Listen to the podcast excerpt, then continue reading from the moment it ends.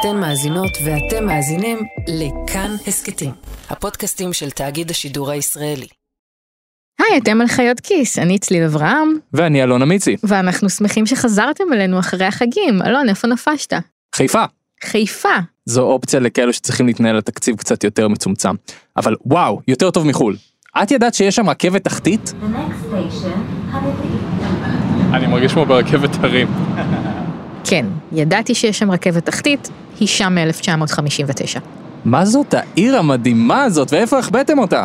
אוכל, ים, תחבורה ציבורית, בשבת. אני ממש אפילו שוקל לעבור לשם. אני ראיתי שם דירה בחצי מהמחיר שאני משלם עכשיו, עם מרפסת, עם נוף לים.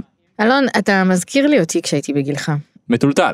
טוב, לא בדיוק בגילך, זה היה בתחילת שנות ה-20 שלי. גרתי בחיפה בשכונת הדר, והתאהבתי בעיר הזאת. הייתי שורצת בבתי קפה, הייתי משוגעת על האוכל. היו מלא טיפוסים מעניינים, עיר עם אופי והיסטוריה ואדריכלות, הנוף הכי יפה בארץ, המון טבע בתוך העיר, ומחירי הדיור היו ממש זולים. יכולתי לראות את עצמי גרה שם עוד שנים. אבל אז... הפתעה. עברתי לתל אביב, וגם רוב החברים שלי שגרו בחיפה, חלקם אחרי שהעבירו הרבה מאוד זמן בנסיעות לעבודה במרכז. הקריירה שלי הייתה פה, ולא רק שלי, כמעט של כל מי שהכרתי.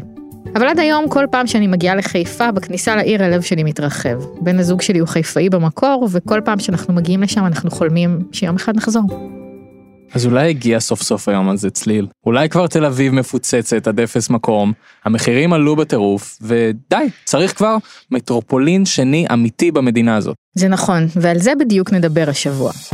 למה חיפה לא הפכה למטרופולין? בים יש הזדמנויות. לפעמים הערים הגדולות ביותר הן על הים. יש נמל, יש תיירות, יש כל מיני פוטנציאלים אחרים. האם יש לה בכלל סיכוי מול תל אביב? בשלב מסוים בשנות ה-30, כאשר תל אביב כבר עברה מסה קריטית, התחרות בין תל אביב לבין חיפה נגמרה. ומה צריך לקרות כדי שהיא תהיה העיר הגדולה שהיא יכולה להיות?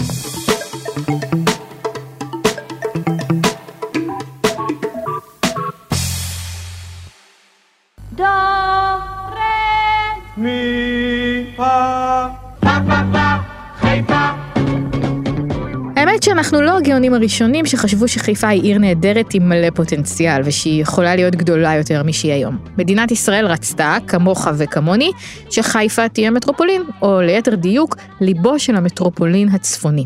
בשנת 2005, אחרי שנים ארוכות של עבודה, נחתמה תמ"א 35. זה אלה שבאים לבניין והורסים אותו, ואז עושים מלא רעש וצריך לעבור דירה. לא, זה תמ"א 38. תמ"א 35 היא תוכנית ארצית שהגדירה מדיניות ויעדים לבנייה ופיתוח בכל המדינה עד 2020. התוכנית הזו הייתה אמורה להתמודד עם הריבוי הטבעי המהיר ועם מחסור בקרקע. זה נשמע לי מוכר. Mm-hmm. וכדי לעשות את זה, התוכנית הייתה בעצם לשנות את מדיניות התכנון של ישראל. במקום לפזר את התושבים על כמה שיותר שטח, שזו הייתה המדיניות מקום המדינה, להחליף דיסקט. אני רואה את הפרצוף שלך, זה היה בשנות ה-90, אז מותר לי להגיד דיסקט. בכל מקרה, מה שתכננו היה לעבור לבנייה עירונית צפופה, בלי לבנות פרברים חדשים על שטחים פתוחים, ובלי לבנות יותר מדי מגדלים. אני לא יודע בדיוק לאן את הולכת עם זה, אבל יש לי הרגשה שזה לא מה שקרה בסוף. ממש לא, אבל לפי התוכנית לפחות, היינו אמורים לחיות היום במדינה עם ארבעה מטרופולינים. מטרופולין תל אביב, מטרופולין ירושלים, מטרופולין חיפה ומטרופולין באר שבע. בכל מטרופולין כזה היה אמור להיות רצף עירוני של בנייה צפופה עם דירות קטנות, ברות השגה ותעסוקה כשהולכים ממקום למקום ברגל או נוסעים באופניים. האזורים הכפריים אמורים לשמור על האופי הכפרי שלהם והשטחים הפתוחים נשארים פתוחים. ובין מטרופולין אחד לשני יש תחבורה ציבורית יעילה שמקשרת ביניהם. אירופה. זה בדיוק מה שזה היה, לפחות ברמת הרעיון. וזה לא קרה. הרבה מאוד מהדברים האלה לא קרו. בפועל ראינו עוד ועוד שכונות מגדלים פרבריות על שטחים פתוחים ועוד יישובים חדשים. ועוד משהו שלא קרה זה שלא ממש התחלקנו לארבעה מטרופולינים, או לפחות לא באותה מידה כמו שהמתכננים רצו. לפי התוכנית היו אמורים לגור בשנת 2020 2 מיליון ו-800 אלף תושבים באזור חיפה והצפון. בפועל ב-2020 גרו שם 300 אלף איש פחות ממה שתוכנן. כבר ב-2008 גופי התכנון שמו לב שחיפה ובאר שבע לא עומדות ביעדים שלהן. כלומר, אנחנו התושבים לא עמדנו ביעדים שהמדינה הציבה לנו, לאיפה היא רוצה שנגור. בדיוק. ואז היא הבינה שהתוכנית שלה לא הייתה טובה, והיא עדכנה את היעדים? לא, בדיוק הפוך. ואז ב-2008 התקבלה החלטת ממשלה 3973, שקבעה שכיוון שלא עמדנו ביעד של מגורים באזורים אחרים שהם לא המרכז, הממשלה לא תפתח יותר תוכניות בנייה חדשות במרכז. קודם תגמרו את הדירות שתכננו לכם בחיפה ובאר שבע, אחר כך נבנה לכם חדשות. זוכר מה שקרה אחר כך? מחירי הדירות עלו ב-200% בעשור? Mm-hmm. זה לא קרה רק בגלל זה, גם הריבית ירדה בכל העולם, אבל זה בטח לא עזר. ואז ב-2016, במסגרת תוכנית דיור 2040, שוב בדקנו איפה אנחנו עומדים. ושוב ראינו שלמרות הכל, אנשים מתעקשים לגור במרכז. לפי תמ"א 35, היו אמורים ב-2020 לגור באזור המרכז 3 מיליון ו-180 אלף איש. אתה יודע כמה גרו שם? יותר. 3 מיליון ו-730 אלף. חצי מיליון איש שהמדינה תכננה שיגורו לא במרכז, והם פחות נראה להם. אז הפעם המדינה החליטה לעשות משהו אחר. להעלות אנשים לאוטובוסים בכוח באמצע הלילה ולהוריד אותם בחיפה ובבאר שבע. לא, אנחנו כבר לא, כבר לא עושים את זה. אז מה המדינה החליטה לעשות? בתוכנית דיור 2040 שנכתבה ב-2016 מופיע המשפט הבא. במסגרת תמ"א 35 נקבעו יעדי פיזור מוטי פריפריה, שבדיעבד התבררו כלא ריאליים, והממשלה לא התקרבה למימושם. זאת מכיוון שהסטת אוכלוסייה בהיקפים נרחבים ממגמת הביקושים דורשת השקעה כספית אדירה ליצירת תמריצים למעבר אוכלוסין. כמו כן, יכולתה של הממשלה לגבות את יעדי פיזור האוכלוסין ביצירת תעסוקה, ובפרט תעסוקה איכותית בהיקפים כה נרחבים, מוטלת בספק. אוף, שייד. הבנת מה זה אומר? כן, הם מודים כאן בכישלון ומוותרים. המרכז לנצח ישלוט, אין יכולת לגרום לאנשים לגור רחוק מהמרכז, כי אי אפשר לתת להם את כל מה שהם מחפשים באזור מגורים. כלומר, לא בדיוק אי אפשר, אלא היכולת הזאת מוטלת בספק. כן, פחות או יותר. נכשלנו בלגרום לאנשים לעבור לגור איפה שאנחנו רוצים, ובעצם בלהפוך את ישראל למדינת ארבעה מטרופולינים. אבל צליל, כשאני הייתי בחיפה, אני קיבלתי לא מעט תמריצים. איזה תמריצים קיבלת? מנסף, שטרודל, מוס, איפה אכלת שטרודל? בית קפה בעיר התחתית. מה עם מעיין הבירה היית? כן, לקחתי... רגע, רגע, אנחנו סוטים מהנושא. כל מה שהם אמרו שהמדינה בספק יכולה לתת, לחיפה יש. לא רק סבית שבלוקס. חינוך, ה fucking טכניון שם. והריאלי ובריאות, רמב"ם מבתי החולים הטובים בארץ. תחבורה, subway, כמו בניו יורק, מטרונית, רכבל שלוקח אותך מהצ'ק פוסט לטכניון. ועל תרבות אפשר להיכנס לדיון שייקח יותר זמן משיש לנו בפרק. אז למה, למה אנשים לא באים? זה מה ששאלתי את פרופסור ערן רזין. אני ערן רזין, איש האוניברסיטה העברית בירושלים, מנהל המכון ללימודים עירוניים ואזוריים. זה בערך. כדי להסביר את מה שקרה לחיפה לדעתו של פרופסור רזין, צריך לחזור אחורה בזמן. חיפה הפכה למרכז כלכלי במאה ה-19 כשהוקם בנמל, ולאחר מכן כשהיא חוברה למסילות רכבת שחצו את המזרח התיכון מדמשק עד סואץ. ב-1914 אמר אדמונד רוטשילד כי חיפה תהיה לכלכלה העברית, מה שירושלים היא בשביל הדת היהודית, ותל אביב בשביל התרבות העברית. בספר אלט נוילנד של בנימין זאב הרצל מ-1902, בו הוא מתאר את חזונו ליישוב היהודי בישראל, חיפה מתוארת כמרכז הכלכלי של היישוב. אבל התפקיד שלה לא נגמר בתוך גבולות היישוב. תקופת הזוהר של חיפה, אם נפליג רגע להיסטוריה, הייתה בימי המנדט. הבריטים שמו דגש על חיפה כמיקום אסטרטגי במזרח התיכון, נמל חדש, בתי זיקוק, נפט שמגיע מעיראק, מרכז של תעשייה כבדה, אבל מאז קום המדינה, גבולות סגורים, הקשר עם המזרח התיכון נותק, תל אביב במרכז. אחרי קום המדינה הכל נגמר. אוניות לא הפליגו יותר מחיפה לביירות ולאלכסנדריה, הרכבות לא נסעו, וחברות בינלאומיות יצאו מחיפה. ובלי הקשר עם בירות המזרח התיכון, חיפה הלכה ודעכה. או, אני יודע מה קורה כאן. אנחנו נפגשים בשנית עם האויבת הקבועה שלנו, מדינת אי, הסיבה האמיתית לכל הצרות במדינה. כן, אבל זה יותר גרוע ממה שחשבנו. כי יש הבדל בינינו לבין מדינת אי אמיתית שמוקפת בים. בים יש הזדמנויות, לפעמים הערים הגדולות ביותר הן על הים. יש נמל, יש תיירות, יש כל מיני פוטנציאלים אחרים. מדינת ישראל היא מדינת אי, בעצם היא מדינה עם גבולות סגורים. ב-2015 רזין פרסם יחד עם יגאל צ'רני מאוניברסיטת חיפה מחקר שבדק מה מעמדה של חיפה של היום כמטרופולין ומה מצבה מול תל אביב. אולי זה זמן טוב לעצור ולהגדיר רגע מה זה מטרופולין. אז אפשר להגדיר את זה מבחינה גיאוגרפית או מבחינה כלכלית. מטרופולין הוא רצף עירוני שבלב שלו יש עיר אחת שנותנת שירותים לכל הערים והיישובים שמסביבה. מטרופולין תל אביב משתרע מחדרה עד גדרה ואולי אפילו עד אשדוד ואשקלון. מי שנוסע למשל כל בוקר מחריש לראש העין לעבוד, עדיין נוסע למטרופולין תל אביב. אפשר גם להגדיר מטרופולין לפי התפקוד שלו, כמה אנשים נכנסים ויוצאים ממנו כל יום, וכמה אנשים עובדים בו. לפי הגדרה של הלשכה המרכזית לסטטיסטיקה, מטרופולין חיפה משתרע מגבול לבנון עד פורדיס, ומהים עד נצרת וכרמיאל. אפשר לומר שהוא כולל כמעט את כל הגליל.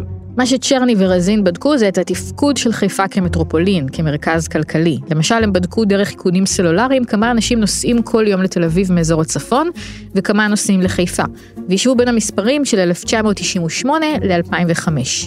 ואפשר לראות במפות שלהם שלאט לאט עם השנים תל אביב מושכת אליה יותר אנשים. יותר אנשים נוסעים לעבודה באזור תל אביב מחדרה, נתניה, בנימינה, אום אל-פחם, ואפילו מאזורים כמו שפרעם וכרמיאל. אוקיי, זה הגיוני כי כמות האנשים גדלה באופן כללי בשנים האלה. נכון, אבל כשבודקים כמה אנשים נוסעים כל יום לחיפה, לא רואים גידול כזה. שם יש אפילו ירידה קטנה בכמות היוממים, למשל מכרמיאל, משפרעם, מכפר ורדים ומעכו. אוקיי, צטיל, אז כשאני הייתי בחיפה, אני נפגשתי עם אחד מאותם uh, יוממים. מישהו שאני חשבתי שישכנע אותי להעתיק את החיים שלי מתל אביב לחיפה בדיוק כמוהו. אריאל קלצ'קין, בעלים של מועדון הרדיו בתל אביב ומגיש של הפודקאסט ב-APGB עם קלצ'קין. על פניו, לפני שהוא אמר לי מילה אחת, הרגשתי משוכנע. דיברנו על תרבות מקודם, האיש הזה בעלים של אחד המועדונים הכי בולטים בתל אביב. הוא בעצמו חיי הלילה, והוא בעצמו עבר לחיפה. אני עברתי לפה בקורונה, בשלב שהבר שלי נסגר בצווים של משרד הבריאות, ועדיין לא היו אה, פיצויים, לא היה ברור כמה זמן הקורונה תימשך, אה, איך אני אמור להתקיים בתקופה הזאת. ונגמר לי בדיוק אה, חוזה שכר דירה שהיה חוזה שכר דירה תל אביבי ופשוט אמרתי כאילו עד שאני אבין מה קורה היה לי חבר טוב שלומד כאן ואמר לי בוא לחיפה כאילו. וזה היה נראה לי אחלה גם כלכלית וגם היה לי קצת אה, עגום לראות את תל אביב סגורה.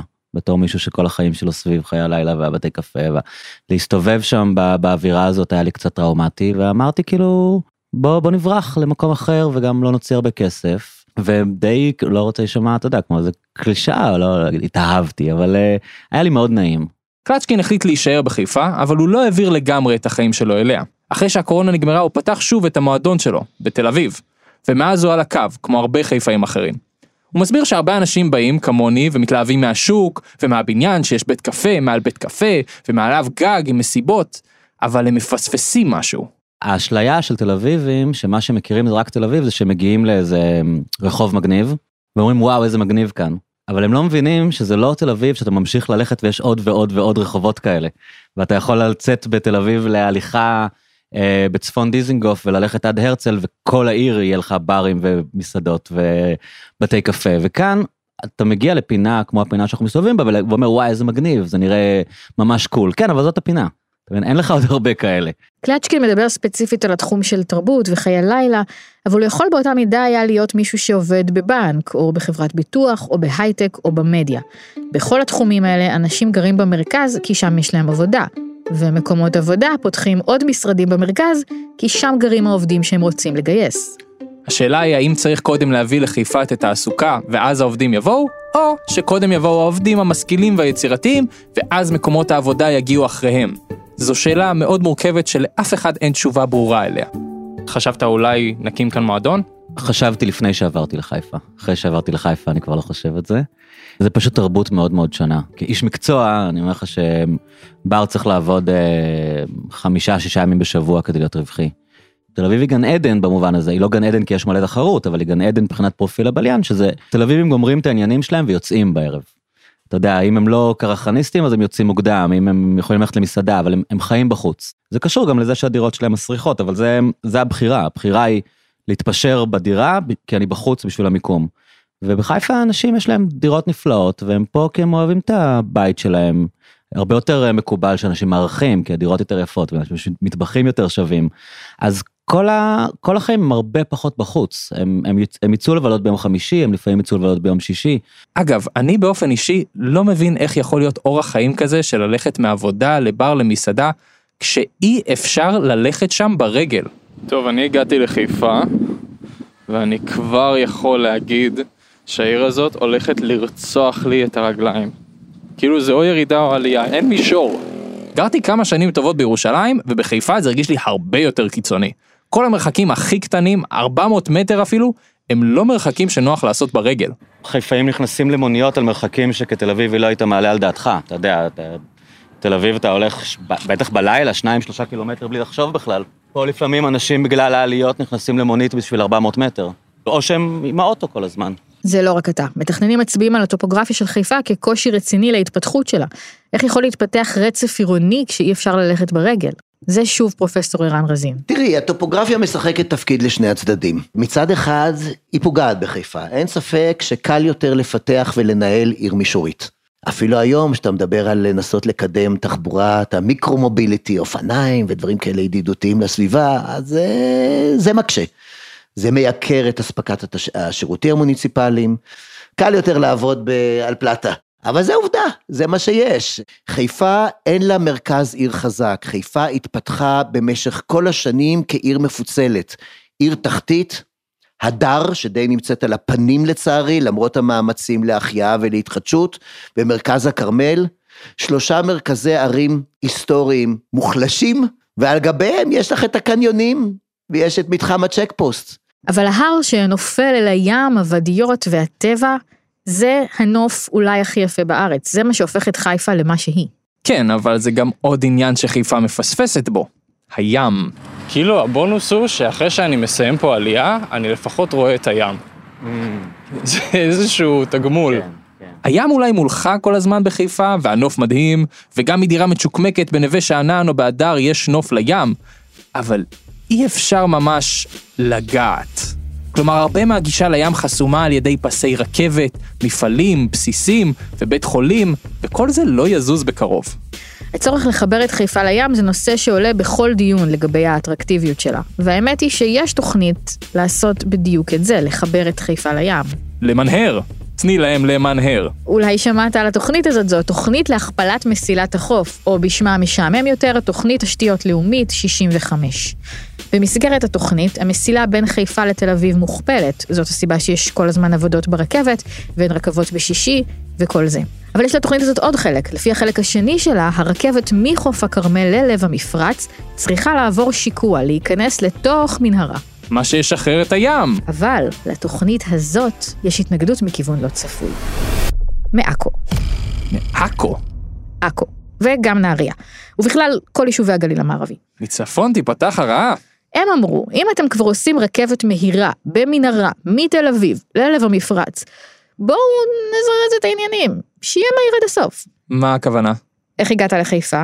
ברכבת? ואתה זוכר את השיר, חיפה חוף הכרמל, חיפה בת גלים, חיפה מרכז השמונה, מרכזית המפרץ, חוצות המפרץ. אז בלי זה.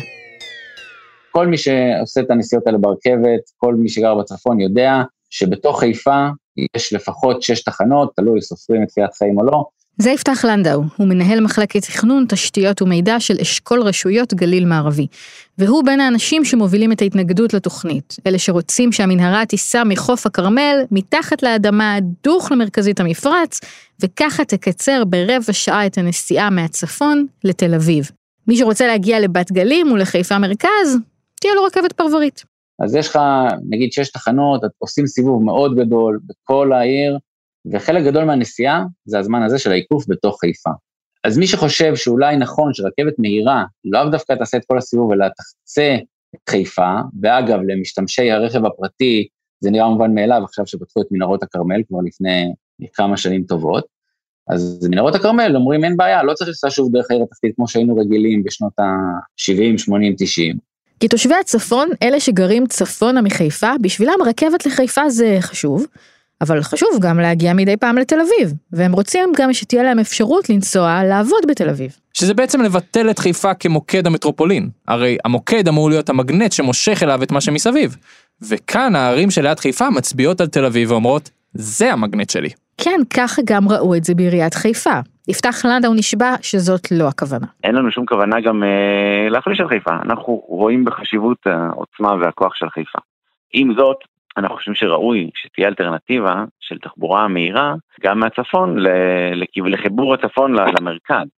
ישראל עדיין מספיק קטנה כדי ש, שנוכל להכיר בכך שכנראה שחיפה לא תהיה ירושלים ולא תהיה תל אביב, בסדר? וגם לשם אנשים צריכים להגיע, וראוי שיוכלו להגיע לשם בתחבורה ציבורית ומהר. מבחינת אנשי הגליל, חיפה פשוט מנסה להגביל את חופש התנועה שלהם, ולהפוך את עצמה למטרופולין בכוח, לא בזכות העוצמה הכלכלית שלה, אלא דרך זה שהיא פשוט תמנע מאנשים לנסוע דרומה. בעיריית חיפה מסבירים שהגליליים לא מבינים איך בונים רכבת בין מטרופולינים, ושאם הרכבת תדלג על מרכז חיפה, זה יפגע בכלכלה של כל הצפון, כולל שלהם עצמם, וגם יוריד את תדירות הרכבות לצפון. זה עדיין לא נפתר, החלטה אמורה להתקבל בקרוב. אבל הסיפור הזה הוא דוגמה בדיוק למה שערן רזין הסביר. המעמד של חיפה כמרכז המטרופולין בצפון הוא שנוי במחלוקת, ותל אביב מאיימת עליה.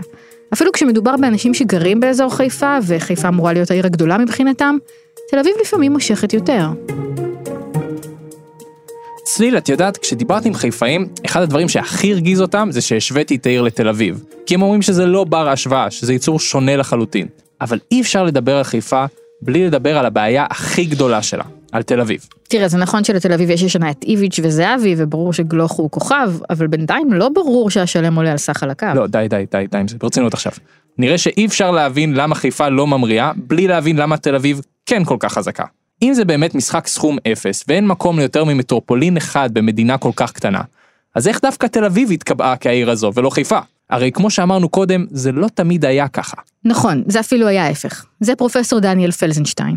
פרופסור במחלקה לגיאוגרפיה באוניברסיטה העברית. אני מנהל כעת את התוכנית הבינלאומית בנושא של ערים חכמות ואינפורמטיקה אורבנית, אה. שהיא תוכנית בינלאומית חדשה, שנפתחה שנה שעברה, ומעבר לכך אני עוסק במחקרים עירוניים כלכליים, שוק הנדל"ן, התפתחות עירונית. לשאלה שלי כמה מטרופולין יש בישראל, לפרופסור פלזנשטיין יש תשובה ברורה. אחד, בלי שום ספק, לא. מדינת תל אביב. אם היינו צריכים לנחש לפני 80 או 90 או 100 שנה מהו אותו מטרופולין יחיד שיש בארץ ישראל, היינו מנחשים שזאת תהיה חיפה. אז איך תל אביב השיגה את הבכורה? פלזנשטיין מנתח את המקרה הזה דרך תופעה כלכלית גלובלית. אתה יכול למצוא שני מקומות שהם פחות או יותר בתנאי פיתוח כלכלי שווים בתקופה מסוימת ופתאום קורה משהו, זה יכול להיות uh, תאונה היסטורית. והתאונה ההיסטורית בעצם uh, מזניקה מקום א' על פני מקום ב'. אז מה קרה בתל אביב שהקפיץ אותה בתחרות? התשובה היא קפה. קפה. קפה. אחוזת בית הוא המצית. הוא מצית אה, להתפתחות של אזור עירוני שבנוי על תנאים מחיה אה, נאותים, אוקיי? תנאים מחיה של תרבות, של אה, חיי לילה, של בתי קפה וכל הדברים האלה. אחוזת בית הייתה השכונה הראשונה שהיוותה את הבסיס לעיר תל אביב. לפניה היו עוד שכונות אחרות, כמו נווה צדק וכרם התימנים, אבל אחוזת בית הייתה הראשונה שנבנתה בכוונה להיות עיר חדשה, ולא רק פרבר של יפו. אחוזת בית ותל אביב הייתה הצלחה מסחררת, ותוך כמה שנים היא הפכה למרכז התרבותי והמסחרי של היהודים בארץ. אז העניין עם התל אביבים והאספרסו זה משהו שרץ כבר 100 שנה, והוא טוען שעל זה בנוי הכוח של העיר. והאמת, שלי זה נשמע קצת שולי. אנחנו מדברים על אזור שהיה אז בשליטת בריטניה, המעצמה הכי גדולה בעולם באותן שנים, על כוחות כלכליים וגיאופוליטיים אדירים שבחשו במזרח התיכון בתקופה של סכסוך לאומי, ובתי קפה זה מה שהכריע את הכף? נכון, זה באמת נשמע קצת מוזר. אבל למה אתה אחרי הלימודים עברת לתל אביב? אז אנחנו מוצאים את ההסבר בעולם של ה-amenities, התנאי מחיה שהיו בתל אביב שלא היו בירושלים, ותנאי מחיה הכוונה היא אה, כל מיני גורמים דמוי כלכליים אבל לא כלכליים אמיתיים, זה לא, לא מדובר פה בפריון ושכר והשקעות וכן הלאה, אלא יותר בחיי הרווחה, מה הכוונה. בתל אביב אה, השכילו לפתח חי תרבות שחיפה לא הגיעה לרמה שהיה בתל אביב בשנות ה-30, חיפה אולי הגיעה בשנות ה-60. מפעלי תרבות, עיתונות, מוזיאונים, תיאטרונים וכן הלאה וכן הלאה. תרבות בתי הקפה זה שם למשהו קצת יותר גדול, משהו שהופך את תל אביב למי שהיא, שמעניק לה את האופי המיוחד שלה ואת כוח המשיכה שלה. זה בדיוק מה שמביא אנשים צעירים, יצירתיים, משכילים, לבנות את החיים שלהם במקום אחד, ולא במקום אחר. האנשים הצעירים שיושבים בבתי קפה או הולכים לתיאטרון הם גם עובדי המשרדים, ההייטק, הפיננסים, התרבות, התקשורת, כל התעשיות שקיימות בתל אביב רבתי, ובחיפה פחות. וזה לא רק קפה, בית הקפה הוא בסופו של דבר ביטוי של יוזמה פרטית. והנה יש חיפה עם כל העדפה הבריטית, ועם כל ההשקעות הכבדות, והפרולטריאט, וכוח אדם, ושכר יחסית גבוה, ומפעלים עתירי הון, אבל uh, היוזמה והעולים שבאים בגלים השונים, עלייה שנייה, שלישית, רביעית, נמשכים יותר לתל אביב, היוזמה הפרטית, המסחר, העסקים הקטנים, מגיעים לתל אביב. הבורגנים היקים הפכו לתל אביב? הבורגנים היקים, כן, ההשקעות שלהם זרמו לתל אביב, לא זרמו לחיפה. גם זה אולי נשמע כמו משהו קטן, אבל באותה תקופה, כשהיישוב העברי התחיל לבנות את עצמו, הפיתוח הכלכלי היה מורכב ובנוי בעיקר על תרומות של יהודים מחו"ל. גורם מימון די חשוב היה כסף שעולים הביאו איתם ארצה. בספר כלכלת ישראל של יוסף זעירה, זעירה מציין את עולי העלייה הרביעית והחמישית כאחד מהמרכיבים החשובים בפיתוח הכלכלי של המדינה שבדרך.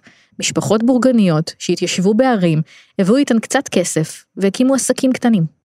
כל אלה ביחד גרמו לאנשים לרצות לגור בתל אביב, גם במחיר של להרוויח שכר נמוך יותר ממה ששילמו במפעלים בחיפה. ולכן בשנות ה-30 יש יותר מפעלים בתל אביב מאשר בחיפה, השכר יותר גבוה בחיפה, ההשקעות הון הרבה יותר כבדות uh, בחיפה, אז אנשים מוכנים לגור בתל אביב, לקבל שכר פחות, אז מה יש בתל אביב שאין בחיפה? ואנחנו לומדים את, ה, את הדברים האלה, ואנחנו מגלים שבשלב uh, מסוים בשנות ה-30, כאשר תל אביב כבר עבר מסה קריטית, התחרות בין תל אביב לבין חיפה נגמרה.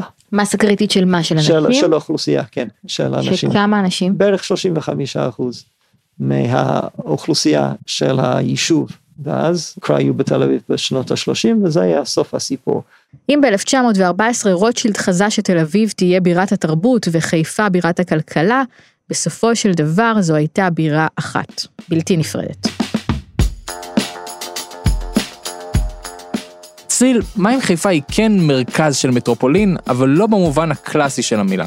מים היא פשוט מוקד עבור אוכלוסייה מסוימת. מה שיפה בחיפה, אתה יוצא מהחלון, אתה כבר רואה את כל העמים מולך. אתה רואה את כל הגיוון של האוכלוסיות במדינת ישראל.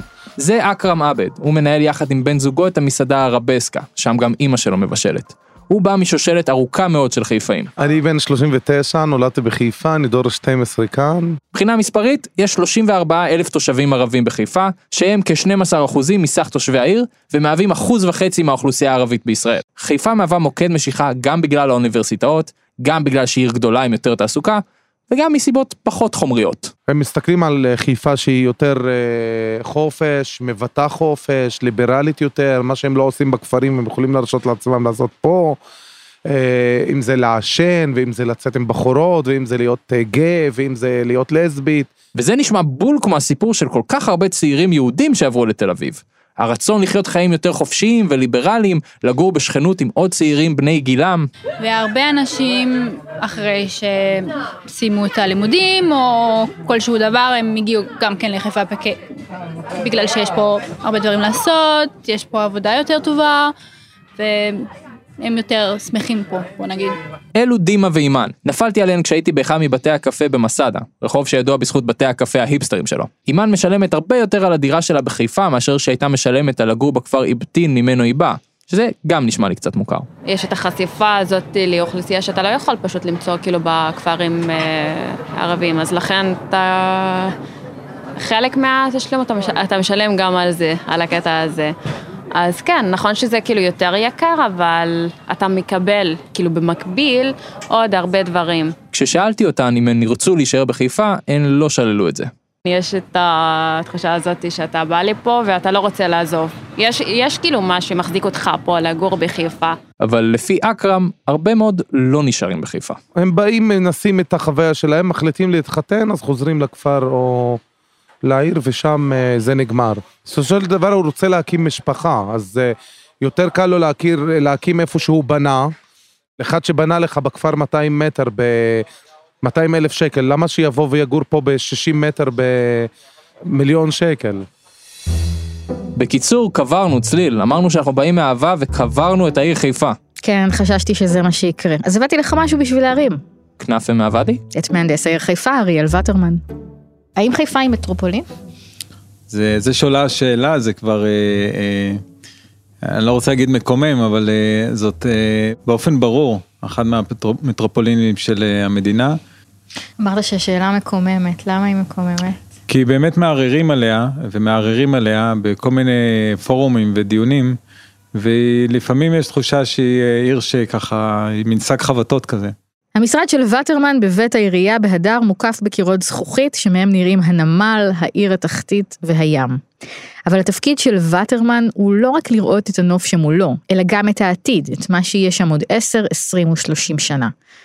לפי וטרמן, כשאנחנו שואלים למה חיפה לא מתרוממת, כשאנחנו מעליבים אותה, אומרים שהיא לא קורית, אנחנו פשוט לא מבינים שאנחנו מסתכלים על עיר שמשילה את נשל הנחש שלה, על גולם שתכף יהפוך לפרפר. כמו שקרה בהרבה מאוד אה, מדינות בעולם, ערי התעשייה המפוארות איבדו את הכוח הכלכלי שלהם בגלל מה שנקרא הכפר הגלובלי.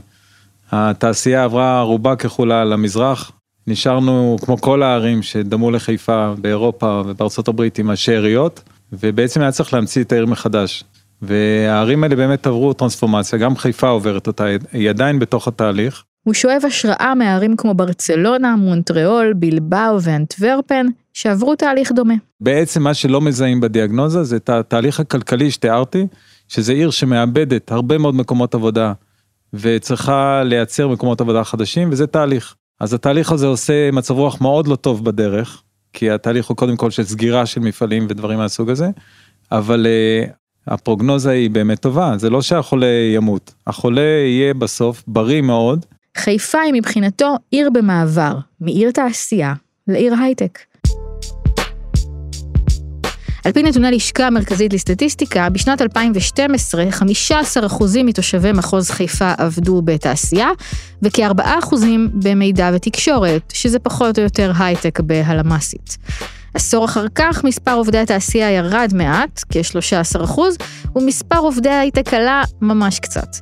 מספר חברות ההייטק בחיפה גדל ב-14% בין 2015 ל-2020 על פי נתוני רשות החדשנות. אבל צריך לומר שזה תהליך שקורה בכל הארץ, ובמרכז הוא קורה מהר יותר. בכל מקרה, כשהשינוי הזה יושלם, אומר וטרמן, נפסיק לדבר על חיפה כעל פוטנציאל, והיא תהיה הלב הפועם של מטרופולין הצפון. בוא, תעשה קצת דמיון מודרך. זוכר את מה שאמרנו על הגישה לים? ובאמת הסיטואציה פה של הגנים בבאים שיורדים דרך המושבה הגרמנית לחזית הים שעוד לא פתוחה, אבל תחשבי שהגדר הזאת יורדת, ושני מטר אתה על קו המים שותה קפה, אין באמת, אה, זה הרבה יותר יפה מהרמבלס. עיר ההייטק והים הזאת תהיה עיר מושלמת לצעירים ולמשפחות, שהחיים האלה של ללכת לעבודה ברגל ולשבת אחר כך בבית קפה על החוף, אלה חיים שכבר לא נמצאים כמעט בהישג ידם במרכז. אתה מייצר אינטנסיביות, עירוב שימושים וכל הדברים שהיום הרבה יותר אנשים מבינים שזה מה שהם גם רוצים. אם בעבר כל אה, זוג צעיר חיפש איזושהי אה, שכונת שינה שיוכל ללכת עם העגלה בשקט, ורק אחרי עשר שנים הוא הבין שהוא פספס את המהות של החיים, שזה גם לשבת בבית קפה מתחת לבית ודברים כאלה. היום בטח הצעירים מבינים את זה. זו רק ההתחלה. בעתיד של חיפה יש עוד תוכניות גדולות. על פי החלטת ממשלה שהתקבלה במרס, בתי הזיקוק והתעשיות הפטרוכימיות יתפנו ממפרץ חיפה ועל חורבותיהם יקומו 130 אלף יחידות דיור, שטחי תעסוקה, תיירות, פארק ענק ובית חולים חדש. המקום שהיה לב התעשייה הכבדה בתקופת המנדט הבריטי, יהפוך להיות מפרץ החדשנות, הלב החדש של המטרופולין הפוסט-תעשייתי של הצפון. ואת חושבת שזה יקרה? אני חושבת שזאת השאלה הכי חשובה של הפרק הזה, והיא נוגעת לא רק לחיפה. אנחנו חיים במרכז, ואנחנו מרגישים כל יום כמה החיים פה נעשים בלתי נסבלים. צפוף ופקוק וחפור ולחוץ ויקר. בכל יום נכנסים לכאן עוד אנשים, חלקם מגיעים מאוד מרחוק, פשוט כי אין להם ברירה. וכל פעם מחדש אנחנו מחליטים כמדינה שזה לא מספיק טוב, שצריך שיהיו לאנשים עוד אפשרויות טובות במקומות אחרים. אבל משהו מסתבך בדרך, ואולי זו פשוט משימה בלתי אפשרית. תשמע את ערן רזין. זה קודם כל תוצאה של הגיאוגרפיה הכלכלית של מדינת ישראל. זה לא שאי אפשר לעשות משהו, אפשר וצריך, צריך מנהיגות מקומית, צריך אה, פעולה אה, ממשלתית, אבל תבינו, זה הליכה נגד הזרם. כוחות השוק במדינת ישראל, כל זמן שאנחנו מדינת אי עם גבולות סגורים, פועלים כל הזמן לטובת תל אביב, ומקשים בעצם על צמצום הפערים המרחביים בארץ, וגם על ההתפתחות של המטרופולינים שאמורים להוות משקל נגד לתל אביב, חיפה, אה, באר שבע וירושלים. המלחמה על חיפה, אומרים גם פלזנשטיין וגם ערן רזין, היא מלחמה בכוחות השוק, וקשה להילחם בהם, מאוד. פלזנשטיין צופה שחיפה תלך ותדעך, ושערים כמו פתח תקווה, ראשון לציון ואשדוד יהפכו להיות גדולות ממנה, ומשמעותיות יותר מבחינה כלכלית. אז יכול להיות שחיפה המדהימה הזאת פשוט נגזר דינה, שהשוק יחליט את שלו ולנו אין איך לדחוף אותה קדימה? תשמע, אני בעיקרון נגד זה שהמדינה תגיד לאנשים איפה לגור. אם הם רוצים לגור במרכז, הם יודעים מה טוב להם. אבל כשאני יוצאת מהמשרד ורואה מה קורה פה באיילון אחרי הצהריים, אני מאחלת לעצמי בעוד כמה שנים לעבוד בעבודה טובה בחיפה, ולגור בדירה במחיר סבבה בחיפה, עם נוף לים, ולרדת אחרי הצהריים מהמשרד לחוף, כשהרכבת עוברת במנהרה מתחתיי, ולשתות קפה כשמולי הנוף הכי יפה בארץ. למה לא בעצם? צליל, זה חזון מדהים, הלוואי עליי גם. אנחנו חיות כיס, ההסכת הכלכלי של כאן, העורכת שלנו היא נועה בן הגיא, עורך כאן הסכתים הוא ניר גורלי, את הסאונד עורך אסף רפפורט, בסיוע של חן עוז. שאול אמסטרדנסקי, גם הוא חבר במערכת שלנו, אבל הוא לא אוהב את חיפה בכלל. ותודה רבה לאפרת פינקל שעזרה לי להתמצא בחיפה. אפשר להאזין לכל ההסכתים שלנו בכל יישומוני ההסכתים ובאתר כאן. תודה רבה אלונה מיצי, שתמיד הכרמלית תגיע בדיוק כשאתה נכנס לתחנה. תודה צליל אברהם, שאף פעם לא תפגשי מקרוב חזיר בר. ותודה רבה לכם שהאזנתם.